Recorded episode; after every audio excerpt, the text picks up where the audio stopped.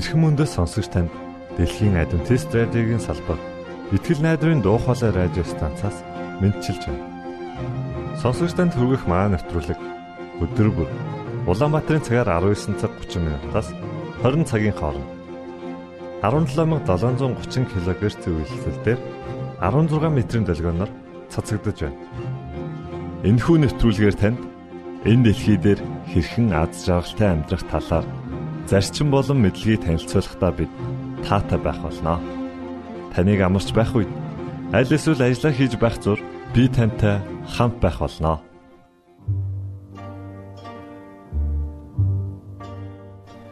Энэ удаагийн нэвтрүүлгээ бид Silent Night хэмээх дугаар эхлүүлж байна. Харин үүний дараа X үзлэл нэвтрүүлгийн цуврал дугаарыг хүлээн авч сонсноо. Ингээд хөгжмөдөө ойртон сууна.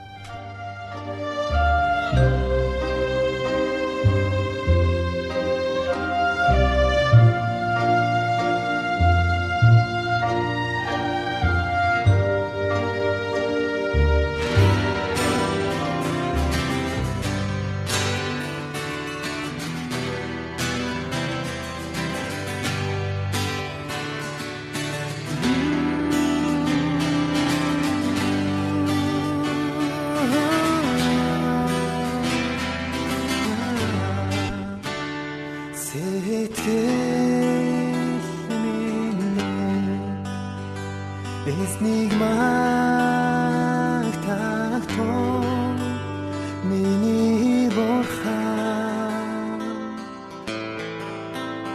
Эцэн та болоо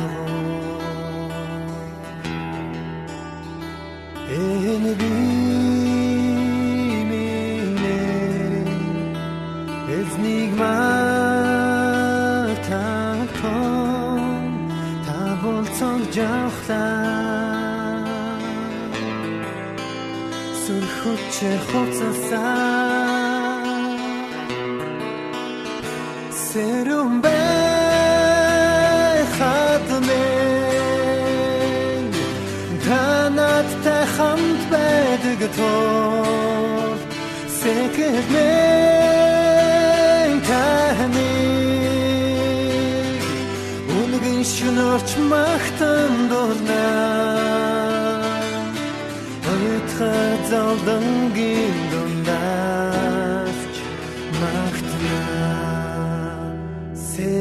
сэтгэл минь эцнийг магтахон миний борхан эцэн та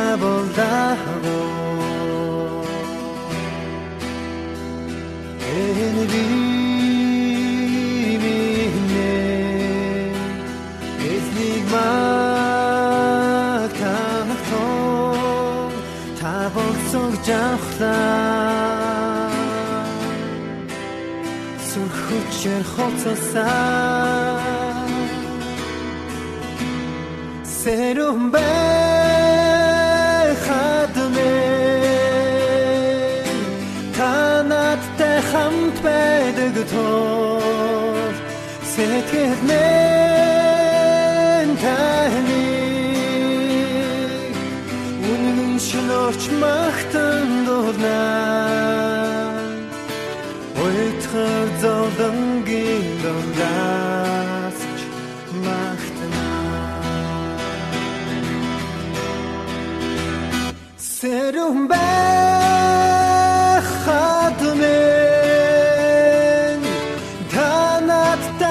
хамт байдаг тул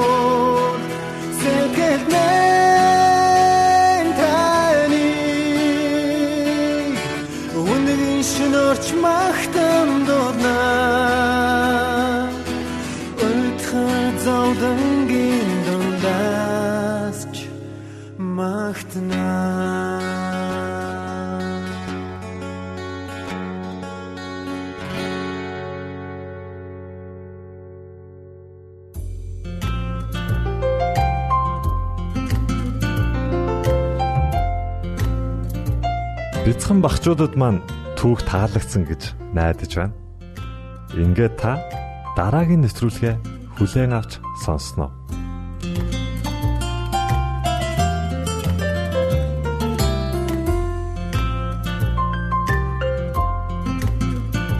Бүгдээ орцгоё. Хамтаа эхлээд залбирцгаая. Тэгээ та бүгдийг надтай хамт залбирна уу гэж. Урьж байна. За хүмүүс судлаа эзэлчгийг арай олцгоё тэгээд хамтаа залбирцгаая.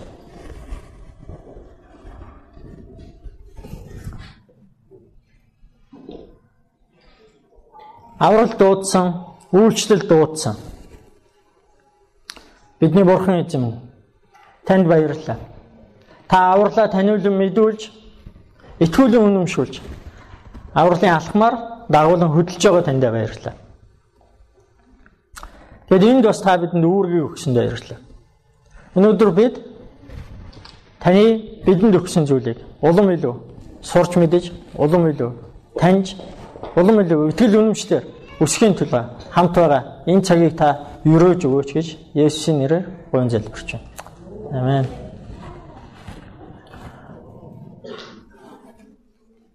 За энэ ном дуусахаас өмнө сүмийн тухай дөрвөн сургаал номдод байгаа гэж хэлсэн. Нэг сургаал номлол нь явцсан. Өнөөдөр дараагийнх нь явж байна. Тэгээд цаана хоёр үлдэж байна гэсэн үг. Тэгээ өнөөдрийн сургаал номлолыг Петр номын 1-р Петр Петр 2 загтал бичсэн байна. Тэрний эхний загтлын 2 дугаар бүлгийн 4-өөс 10 дугаар шиллэлээрс суйрлан хэлчихэж байгаа. Тэгээд энийг ингээд ярих гэсэн чинь нэг юмыг би ерөөсөө заавал хиймээр санагдаад болдгоо, хийхгүй байж болдгоо. Тэр нэг бэрхшээлтэй туллаа. Тэр нь юу вэ гэхлээр нэгдүгээрт би энэ Питер гэдэг номын тухай ярихгүйгээр цаашаа явж чаддаггүй. Хоёр шалтгааны улмаас. Энэ ишлэлийг ойлгохын тулд нар номоо бид мэддэг байх хэрэгтэй. Нэгдүгээр шалтгаан, хоёрдугаар шалтгаан нь хувийн шалтгаан. Би өөрөө Петр номыг өөрөө цээжлэх гэж оролдож байгаа. Одоо сүүлийн 3 бараг 4 жил ах уу. Номын бүтнээр нь тэгээ амжилтгүй л явна л та. Гэтэ яагаад цээжлэх гэж оролдсон юм бэ гэхлээр миний хувьд энэ үнэхээр одоо нэг юмны нэг цөмийг нь олдсон тийм нэг голыг нь олдсон юм гэж байдаг бол тийм юм шиг санагдтiin. Бас надаа яг үгээ бурхан хэлж байгаа шиг санагдтыг тийм ном учраас. Тийм учраас би юу төрөнд яг одоо энэ ишлэлүүд энэ ишлэл рүү орохоос өмнө энэ юу цагаанаар бичсэн чи харагдахгүй болсон шүү дээ. Нэгдүгээр бид нар хоёрын 4-өөс 10 руу орохоос өмнө нэг зүйлийг би танд бүр нэг ихтгэл үнэмшил төрүүлмээр санагдаад байна. Петр номыг сонирхоод уншаасаа Тэгээд бүр болж өгвөл надтай адилхан чэйжлэх гэж оролтоосаа гэж итгэл үнэмшил төрүүлэхийн тулд хэдэн зүйлийг эхлээд хийх хэрэгтэй байна. Тэр нь юу вэ гэхээр Петр номыг танилцуулах. За энэ бол бидний өнөөдөр уншиж байгаа ишлэл маань байна. Тэгээ энэ дээр бид нэр эхлээд уншчих. Тэгээ чааш нь Петр номтойгоо танилцаад яваа. За ингэж байгаа. Бидний уншиж байгаа ишлэл. Нэгдүгээр Петр 2-ын 4-өөс 10 та бүгд Библиэтэй байгаа бол Библиэтэй уншаараа энд нөгөө тэр аяар нэг слайдд багтаах гэдэг үтсэн чи айгүй жижигхэн болцсон. Би ч бараг эндээсээ өөрөө харахгүй байна. Энэ дээрээс бол харагдана гэж бүр хэцүү ба. Тэр сайн хараатаад биш бол тийм ээ. За би уншаадах ингэж байна. Иймд амьд чулуун мэд болсон та нарч Есүс Христээр дамжуулан Бурханд тааламжид сүнслэг тархлуудыг өргөж ариун тахилч болохын тулд сүнслэг байшин болон баригдах тоон. Энэ нь сударт харахтун би Сионд сонгогдсон булангийн үнэт шулуу тавина. Түүнд итгэгч хүн ичгүрт орохгүй. Тиймээс итгэгч та нарт энэ нь үнэт харин үл итгэгчдэд барилгачдын голсон чулуу нь булангийн чулуу болов гэд хөдрүүлэх чулуу тэглэх хад болсон юм а хэмээсэнтэй адил юм. Харин та нар бол сонгогдсон ухсаа хаанц тахилч нар ариун үндэстэн Бурхны эзэмшлийн ард түмэн юм аа. Ингэснээр харанхугаас та нарыг өөрийн гайхамшигт гэрэл рүү дуудсан түүний давуу чанаруудыг та нар тунхаглах юм. Учир нь та нар урд нь ард түмэн биш байсан боловч та нар одоо Бурхны ард түмэн болжээ. Та нар өршөөлийг хүртээгүй байсан боловч одоо та нар өршөөлийг хүртсэн байна. За энэ бол бурхны үг байна. Тэгээ энэ үгийг бид нэр хайруулад юу гэж хэлсэн энэ үг ямар сэдвийг ярьж байгаа юуг онцолж байгаа гэдгийг өнөөдөр үзэж байгаа ярих гэж байгаа. Тэгээ бид нар номын тухай хэдэн зүйлийг хэлэхгүй болохгүй нэ гэсэн тийм үү? Нэгдүгээр бид нар номын сэдвийн тойм байгаа статистик зарим нэг үзүүлэлтүүд. Тэгээ энийг би маш хурдан явуучих гэж бодож байгаа. Тавхан слайд байгаа. Тэгээ жоохон олон хүүхдтэй учраас ер нь бол хурдан явчих. Тэгээ та бүгдэд хэрэг хэрэгтэй бол сүулт нь ямар нэгэн байдлаар авч болох ба. Гэтэ надтай хамт үзээд яваарай. Нэгдүгээр бид нар номонд яагаад дуртай юм бэ гэхлээр би өөрөө теолог дуртай. Үнэхээр та теолог гэдгийг мэдээ ойлгоё гэж байгаа бол та нэгдүгээр бид нар номыг уншсан дээр. Яагаад гэвэл энэ номон дээр Бурхан гэдэг үг 39 удаа тоологдсон буюу хамгийн их гардаг. Ялангуяа шинэ гэрээний загтлууд дээр бурхан бурхан бурхан айлшил бурхантай холбоотой бурханы төлөөлсөн үгнүүд.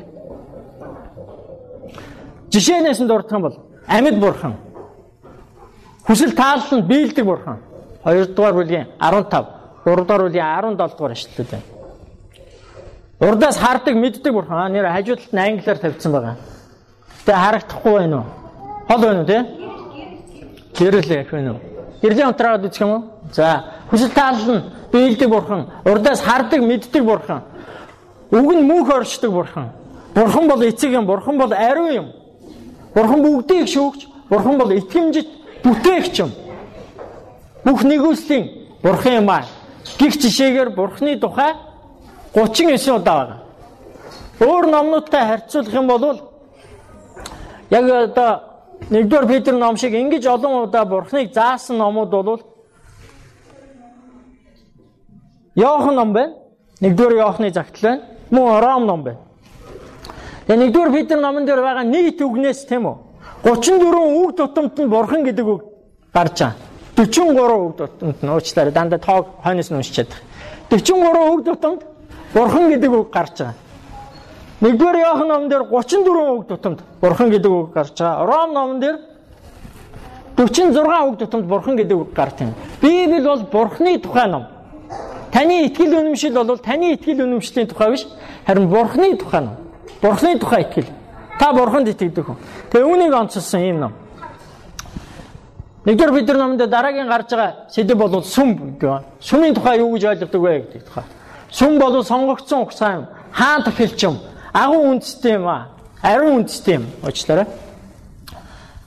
Сүм бол Бурхны хүчрхэг үйлдлийг тунхаглах ард түмэн юм аа. Сүм бол Бурхны ард түмэн юм. Сүм бол Бурхны гэр бүл юм. Сүм бол Бурхны хонь сүрэг юм. Сүмийн гişүүд гэдэг бол Бурхны зарц юм аа. Гих жишээгээр явж байгаа. Энэ номон дээр бас Христийн тухай, Христийн зовлонгийн тухай олон зүйлийг хэлсэн байна.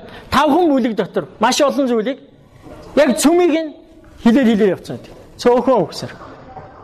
Христийн зовлонгийн тухай Есүсийн цусаар цацуулж бид нэр итгэл үнэмшлэр хариулсан юм а гэд хамгийн ихний бүлэг дээр нэг хоёрдугаар ишлэл дээр хамгийн ихнээсээ татуулаад Есүсийн Христийн тухай түүний цовдлогдсон тэр нь бидэнтэй ямар холбоотой юм бэ гэдэг тухай харж байна.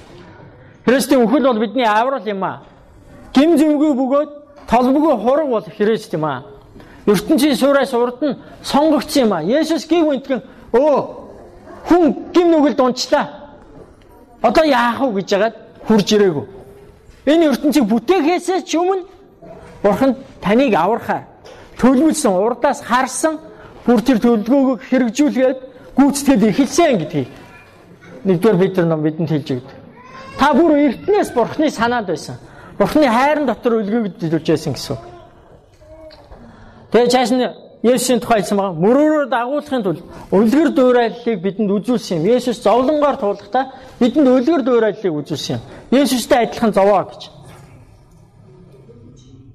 Тэгэд Бурхан даваачихын тулд биднийг оруулсан юм аа. Дараагийн бас нэг том гарч байгаа сэдв бол ариун сүнсний тухай. Та ариун сүнсний тухай ариун сүнс бол биднийг ариусгадаг юм аа. Ариун сүнс бол иш үзүүлэгчдэд байдаг юм аа. Ариун сүнс бол Христэд итгэгчдэд байдаг Христийн сүнс юм аа. Тэнгэр элчээр илгээгдсэн ариун сүнсээр сайн мэдээг хүмүүс зарлан тунхаглаж, номлож байдаг юм аа. Гэдгийг бид нар мэдэж аваа. Алдрын ба бурхны сүнс итгэгч хүмүүстээр оршдоо гэдгийг мэдэж авдаг. танд алдрын хийгээд Бурхны сүнс тань дээр оршин байгаа гэж нэгдүгээр Петр хэлдэг учраас би энэ номд дуртай энэ номыг чэйжилч юмсан тогтооч юмсан гэж боддог. Ирээдүйд нэг юм бид нэр ойлгоод байгаа шүү дээ. Библийг хүмүүс бүр устгаад үгүй болгоно. Бидний гараас үгүй болгоно. Тэр үед бид нар Бурхны үгийг яаж өөртөө байлгах вэ гэхээр чэйжил тогтоосноор л байлгана гэдгийг би итгэдэг. Тийм учраас ишлэл чэйжлэх гэж оролддог. Тэгээд Библи аль намын номыг бүтнээр нь чэйжилчих юмсан гэж боддог. Одоогор жоохон амжилт муутай яваа. Үннээ хэлэх хэрэгтэй. Гэхдээ хамтрагч бол бас сайжирч магадгүй. За, итгэгч хүний тухай бас нэгэн том сэдв явж байгаа. Тэгээд их олон зүйлс байлаа. Би зүгээр энд тэмдэглэснүүдээ Яс уншаад өнгөө. Итгэгч хүн гэдэг бол үнэн дуулууртай хүнийг хэлдэг юм аа. 1:22 дээр хэлсэн. Сэтгэлээ хариуцахад чин сэтгэлээсээ ах トゥ угаа хайрлах болсон хүнийг итгэгч хүн гэдэг юм аа. 1:22 дээр. Бурхны амьд орчин буй үгээр дахин төрсөн хүн бол итгэгч хүн юм аа. 1:23 дээр. Эцсийн үед илчлэгдэхэд бэлэн буй авралтай хүн бол итгэгч хүн юм аа гэсэн байна.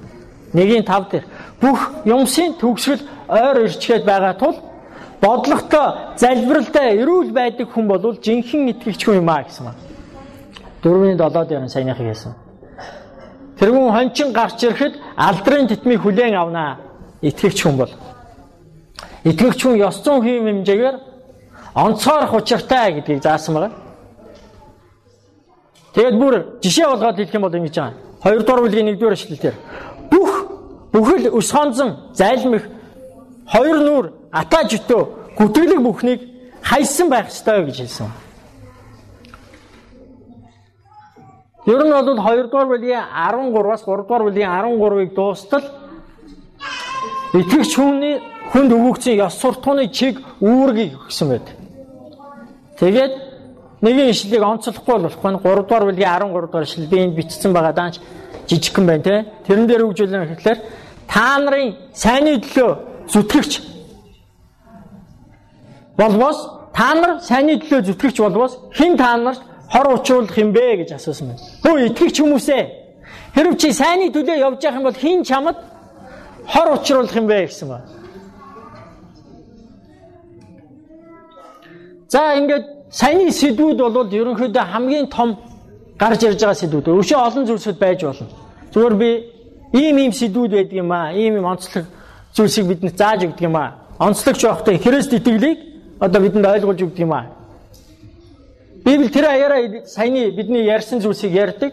Тэгээд тэдгээрийг маш хураангуй хэлбэрээр энд агуулсан байдаг. Энэ дундаас өнөөдөр бидний анхаарах байгаа үг хэллэг ойлголтууд бол эдгээр үгнүүд байгаа. Харагдж байна арай том байгаа бах тийм ээ. Цааны бидний голчилж авсан ишлэл байгаа. Тэрэн дээр гарч байгаа чухал үгнүүд байгаа. Хамгийн ихний үг нь амьд чулуун мэт гэж байгаа.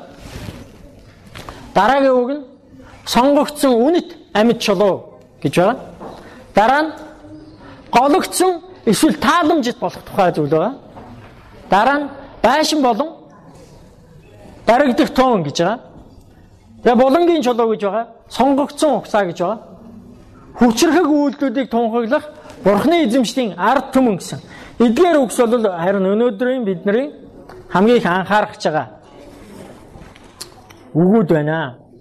Эндээс бид нэр эдгээр үгнүүдээс бид нар сүм гэдэг ойлголтын тухай ярилцах нь унших нэ. За тэгээд хамгийн ихний надад төрсэн асуулт. Яг одоо бид нэр ишлэл рүүгээ орж байна тийм ээ. А хамгийн ихний надад төрсэн асуулт. Энэ дээр бид нэр уншсан Библийн ишлэлийг санаж байгаа. Та нар бол сонгогдсон угсаа гэж байсан уу? Уншсан уу бид нар? 2 дугаар бүлгийн 9 дугаар эшлэл тий. Тэгэхээр би асууж байна. Яагаад сонгогдсон гэж? Яаж сонгогдсон гэж? Юуны төлөө сонгогдсон юм? Тэгээд магадгүй хамгийн чухал асуулт бол яаж тэр сонгогдсон гэдгээ мэдхий гэдэг асуулт. Тэрэнд энэ нэг хідэн Библийн зааврууд бидэнд ишлэлүүд бидэнд тус болох байх гэж бодож байна. Юу гэхээр Дэд хууль номын 7-гийн 6-аас 7 дээр бурхан ингэж байгаа юм л да. Бурхан анх ард түмнийг сонгон гаргаж ирэхдээ ингэж хэлсэн байна. Чи бурхан эзэндээ ариун ард түмэн мөн. бусад үндэснээс олон байсан учраас эзэн та нарыг хайрлан сонгосон юм биш ээ. Яагаад бурхан биднийг сонгосон бэ? Яагаад бурхан таныг сонгосон бэ? Гэхдээ та бусдаас илүү мундаг учраас, та бусдаас илүү ухаантай учраас, та бусдаас илүү одоо юу байдгийг тийм учраас биш. Харин бурхан таныг урдаас төлөвлөсөн, хайрлсан учраас сонгосон юм а гэдгийг хэлсэн. Тэр битгий хэл бүр сул дорой байх чинь, гин нүгэл дарамтлуулж байх чинь, өвчин эмгэгд нэрвэгдсэн байх чинь, үр ширэнд автсан байх чинь би чамайг дуудан сонгосон юм а гэдгийг бурхан хэлж байгаа. Чамайг мундаг болохоор ч юм биш. Харин чамайг өнгөлөхийн тулд, харин чамайг алт мэд шалгаруулan гаргаж ирэхийн тулд би сонгосон гэдгийг бурхан ард түмэндээ хэлдэг, танд хэлдэг, надад хэлдэг. Тэгээ дараагийн нэг Библийн сонгогдсон тухай ишлэл бол ингэж байна. Тэр өөрийгөө нэг үсгийг алга болсон шүү дээ. Тэр өөрийгөө бидний төлөө өгсөн нь биднийг алив ёс бус явдлаас золин сайн үйлсэд зүтгэгч тусгай ард түмнийг өөртөө цэвэршүүлэхийн тулд юм а гэж Тимот номын 2:14 дээр хэлсэн ба. Тэгээ бид нэр сонгосон нь юу вэ гэхээр аливаа ёс бус байдлаас биднийг золин авч гаргахын тулд сайн үйлсэд зүтгэгч байлгахын тулд гэж сонгосон юм а. Та сонгогдсон шалтгаанаа мэдэхгүй байвал энд байна. Танд би хоёр ишлэлийн уншаад өгчлөө. За тэгээ сонгогдсон үе гэдэг сонгогдсон угсаа гэдэг үгийг би хид хідэн библийн орчуулгаас харьцуулж харлаа гэсэн чинь нэг ийм юм анзаарагдаад байна. Монгол библийн орчуулга дээр голцоо сонгогдсон угсаа гэдэг. Тэгсэн чинь зарим нэг орчуулга дээр chosen generation буюу сонгогдсон үе гэдэг байгаа. Тэрүүгээрээ би ингэж бодож байна. Тэрүүгээрээ бидэнд бурхан юу гэж хэлээд байна вэ гэхээр таныг зөвхөн сонгоод сонгосон төдийгүй таныг хэдийн үед амьд байлгахыг чинь хизээ юу хэлэхийг чинь бурхан төлөвлөн сонгосон гэж хэлж байгаа байх гэж бодож байна. Яагаад энэ үе гэж? Яагаад заавалчгүй бурхан таныг Монголд амьдруулахаар төлөвлөсөн гэж танаас асуугаагүй үстэй тий? Асуусан бол та айл улс гэж хэлэх байсныг би мэдэхгүй. Гэхдээ Монгол л гэж хэлэх байсан байх гэж найдаж байна. Хизээ амьдруулахыг чинь бас сонгоогүй. Яагаад заавал таныг 200-ыг дамнуулаад 2000-ыг дамнуулж амьдруулж байгааг би мэдэхгүй. Яагаад заавал таныг Христ итгэл яг хөлөө олоод тентэр дунтар дөнгөж алхаж эхэлж байгаа. Бид нар дөнгөж боожж эхэлж байгаа энэ үед таныг анхдагч болгохоор энэ цаг үед сонгосныг би мэдэхгүй. Ихэнх тохиолдолд хүмүүс өнгөрсөн үеийг аягүй их боддог, санагалцдаг. Номлогч үгс 7-гийн 10 дээр хэлж байгаа. Өнгөрсөн үеийн тухай яригч нь мэрэгэн ухаанаар ярихгүй байх шүү гэж. Ихэнх хүмүүс ирээдүг боддог. Ирээдүйд би тэгнэ. Надаа бүр за одоо тэтгэр дарахаараа л цөмдөний итгэвтэй явъя да гэж хэлж байгаа. Настай хүн хүртэл тааралж байсан. Зөндөө олон тааралтай. Юу гэхээр бид нар дандаа за ирээдүйд л гэж боддог. Үгүй үгүй яг одоо гэж бурхан хэлж байгаа. Маргаашаараа бити бардамаа гэж бардам бардам бай гэж Яаков 4-ийн 14 дээр хэлж байгаа. Бид нар Яаков номыг шабат хичээлээр судалж байгаа. Тэрэн дээр юу гэж хэлж байна гэхээр би өнөөдөр маргааш ийм ийм зүйлийг санаж бодож төлөвлөж байна. Ийм ийм 8 арилжаа хийж тийм тийм ашиг олж ашиг тий хонжи олох болно гэж. Тэгвэл чиний ам маргааш ямар байхыг чи мэдэх юм уу гэж бурхан хэлж байгаа. Тиймээс таны хувьд хамгийн чухал юм бол энэ үе, энэ цаг, энэ мөч таны амьд байгаа хугацаа оршин байгаа. Одоо энэ цагийн төлөө гэж. Эстер номон дээр энэ гайхалтай үг байдаг. Эстер хэмээх бүсгүй хааны хатан болсон. Өөрөх нь үндэстэн угсаа устгах байгаа тэр цаг үед Эстерт ах нь хэлдэг. Тэр түүхийг санаж байгаа юм байна уу?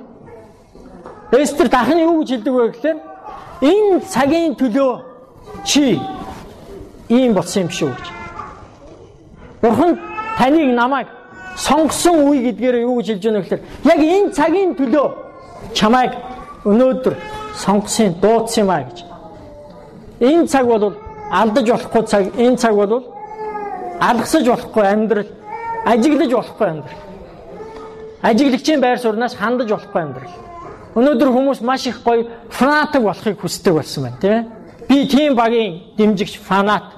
Ийм юмны одоо тий юу гэх дэмжигч одоо дандаа нэг хүндлэнгийн байхыг хүсдэг. Бурхан харин таныг хүндлэнгийн үзэгч биш харин таныг оролцогч байлгахыг хүсдэг. Тийм учраас бурхан таныг сонгосон. Та сонгосон үе гэж хэлж байгаа. Та сонгосон угсаа. Энэ угсаа гэдэг үгэн дээр бас бид нэг зүйлийг анзаарах хэрэгтэй. Сүүлийн үед нэлээд гаараад бас нөгөө талаас маш их шүүмжилт авцсан. Нэг хэсэг биднэрт нэг ийм юм айгүй их дуулдаж уншигдаж явлаа штэ. Үнэт эстэн монголчууд бол за бараг л хүнээс илүү гэнтэл юм яриад тий. Тэгээ нөгөө одоо сонгогдсон угсаа гэхэлэр тийм үг хэлээд байгаа юм болов уу? Аль шиг түрүүчийн хэлсэн зүйлийг хэлээд байна. Яг үннийг хэлэхэд улс үндэстэн болгон өөрийгөө агуу гэж боддгийм байлаа. Би Монгол улсын их сургуулийн Монгол судлалын тэнхимийн Монгол хэл утга зохиол судлаач гэдэг мөрөчлөөр төгссөн. Тэгээд би тэрийг төгсөхдөө юу гэж итгэсэн бэ гэхээр Монгол хүн болол бусдаас те тохоо илүү юу гэдэг одоо юм юмараа илүү гэж итгэж байгаа. Тэгээд би гадаад дотоодын хүмүүстэй танилцдаг гадаадд сурч үзлээ. Тэгээд би шиг очихдаа тэгж бодож очив. Хүн өстой хятад болоод төрчвөл өстой заяанда гутаж амьдрах байх таа гэж бодож байгаа.